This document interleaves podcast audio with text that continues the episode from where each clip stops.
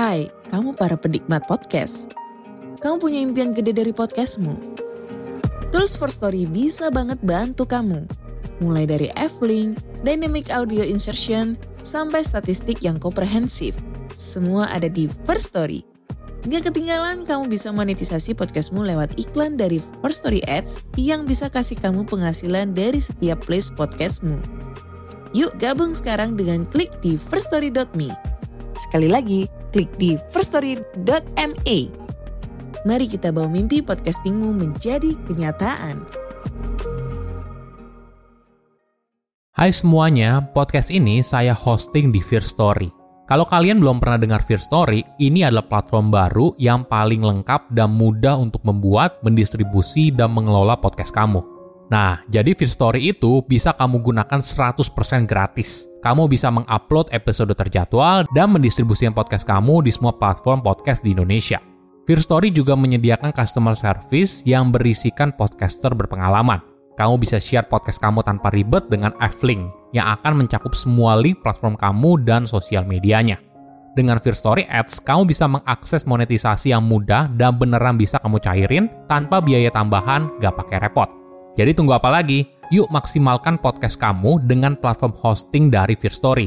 Daftar sekarang di fearstory.me dan buat podcastmu jadi kenyataan.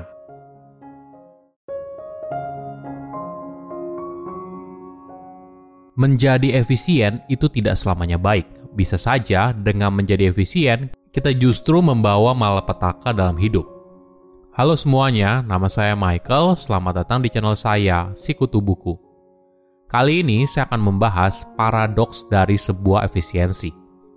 Ini merupakan rangkuman dari video TED Talk Edward Tanner yang berjudul The Paradox of Efficiency dan diolah dari berbagai sumber. Di era sekarang, manusia sangat terobsesi atas efisiensi. Kita ingin sesuatu lebih cepat, lebih murah, lebih bagus, dan sebagainya. Tapi anehnya, dalam perjalanan kita untuk menjadi efisien, kita justru malah mengambil tindakan yang membuat kita jadi tidak efisien. Loh kok begitu? Kentang misalnya, sebuah tanaman yang awalnya dianggap sebagai tanaman ajaib yang menjadi jawaban atas kelaparan, justru malah menjadi penyebab kelaparan massal paling tragis dalam sejarah. Efisiensi juga bisa jadi jebakan bagi mereka yang menirunya. Senjata artileri 75mm buatan Perancis pada masa itu dianggap sebagai senjata yang bisa memenangkan perang dengan cepat. Tapi sayangnya, orang Jerman juga berpikir hal yang sama dan menciptakan teknologi yang hampir mirip. Alhasil, ketika Perang Dunia Pertama pecah, hasilnya adalah perang parit yang berlangsung lebih lama dari yang diperkirakan siapa pun.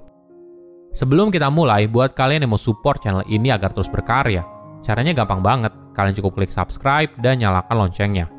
Dukungan kalian membantu banget supaya kita bisa rutin posting dan bersama-sama belajar di channel ini. Siapa sih yang tidak suka dengan efisiensi? Mayoritas tentu suka kan? Efisiensi artinya kita bisa mendapat lebih banyak dengan lebih sedikit. Misalnya, kita bisa mendapat lebih banyak uang dengan sedikit usaha. Siapa yang nggak mau? Efisiensi boleh dibilang menjadi kata yang paling sering digunakan di dunia korporasi. Perusahaan berlomba-lomba untuk jadi efisien. Pengeluaran lebih sedikit, tapi pendapatan lebih besar. Ironinya, di tengah semua keunggulan dari sebuah efisiensi, dunia yang terlalu efisien juga menyimpan bahayanya sendiri. Ada sebuah kisah menarik tentang sebuah kentang. Saat ini, kentang adalah tanaman terpenting kelima di dunia, setelah gandum, jagung, beras, dan tebu. Kentang awalnya dibudidayakan di pegunungan Andes Amerika Selatan sekitar 8.000 tahun yang lalu dan baru dibawa ke Eropa pada pertengahan tahun 1500-an. Dari mana ia menyebar ke barat dan utara, kembali ke Amerika, dan seterusnya. Apa yang membuat kentang begitu spesial? Pada masa itu, kentang dianggap sebagai sebuah mahakarya dengan nutrisi yang seimbang. Kentang juga memiliki nilai strategis bagi petani. Kentang sangat baik untuk rotasi tanaman, membantu petani memanfaatkan lahan mereka dengan lebih efisien. Hal ini sangat mengurangi frekuensi kelaparan di kalangan masyarakat miskin. Saking spesialnya sebuah kentang, banyak raja dan bangsawan turut andil dalam mempopulerkan kentang sebagai makan pokok. Frederick the Great yang merupakan raja dari Prusia merupakan pecinta kentang yang pertama. Frederick percaya kentang mampu meningkatkan populasi warga Prusia yang sehat.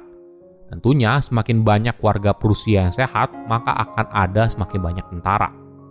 Suatu hari, tentara Prusia menangkap seorang apoteker militer Prancis bernama Parmentier. Parmentier pada awalnya terkejut dengan makanan yang diterimanya saat di penjara, yaitu kentang di pagi hari, siang hari, dan malam hari.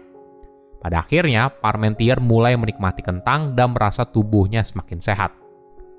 Jadi, ketika Parmentier dibebaskan, dia lalu mulai mempopulerkan kentang di Perancis.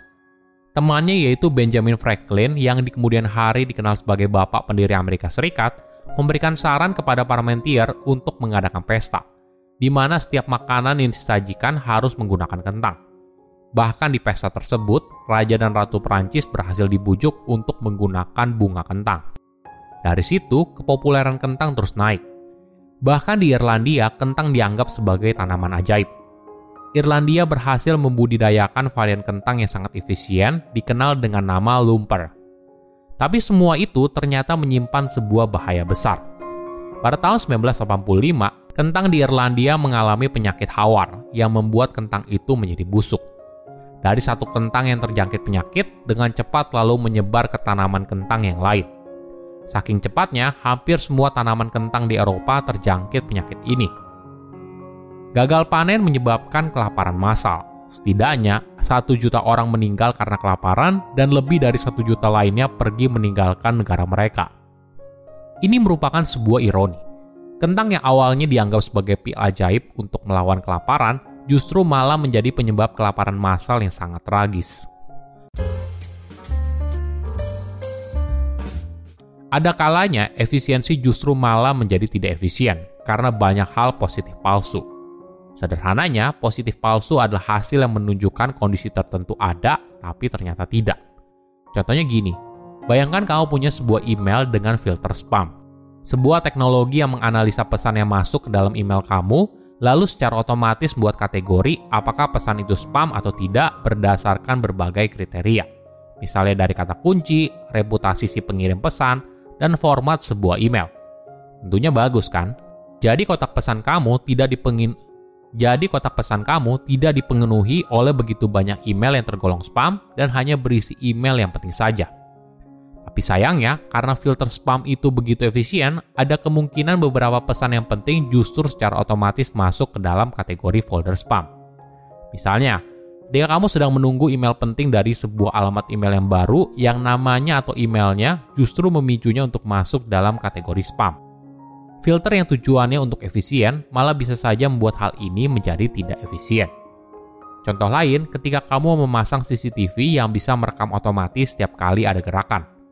Jika kamera diatur terlalu sensitif, maka yang terjadi kamera CCTV-mu akan sering kali merekam hasil positif yang palsu misalnya ranting pohon yang jatuh, burung terbang, dan sebagainya. Efisiensi juga bisa jadi jebakan ketika orang lain menirunya. Pada akhir abad ke-19, senjata artileri 75mm buatan Perancis dianggap sebagai senjata mahakarya karena teknologinya yang mematikan. Senjata ini mampu menembakkan peluru setiap 4 detik. Namun yang paling brilian adalah hentakan yang ditimbulkan oleh senjata itu ketika dilakukan penembakan hentakannya tidak membuat posisi si penembak berubah, sehingga dia tidak perlu lagi untuk membidik ulang. Jadi, tingkat efektivitas peluru kena sasaran menjadi semakin tinggi.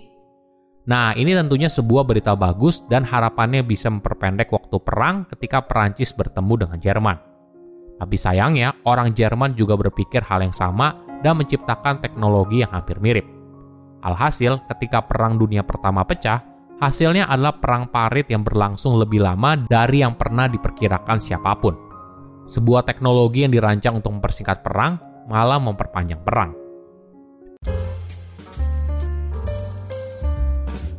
Mungkin untuk menjadi benar-benar efisien, kita perlu tidak efisien secara optimal. Mungkin jalan terpendek itu bukan garis lurus, tapi jalan yang memutar.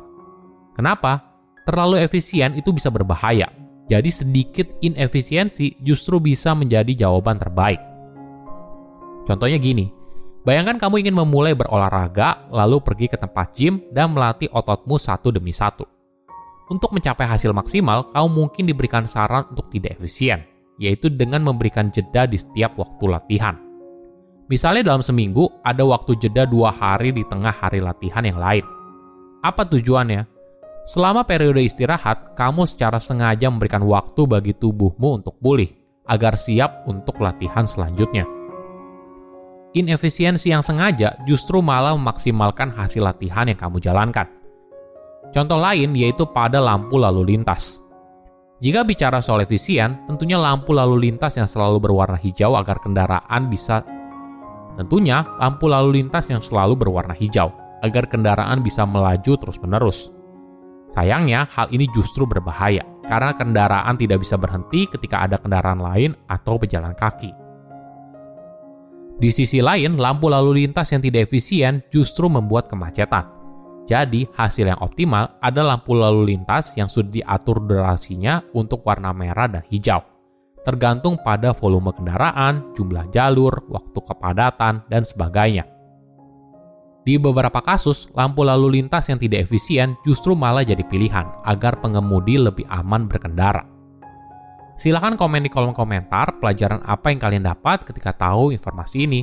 Selain itu, komen juga mau tahu informasi apa lagi yang saya review di video berikutnya. Saya undur diri, jangan lupa subscribe channel YouTube Sikutu Buku. Bye-bye.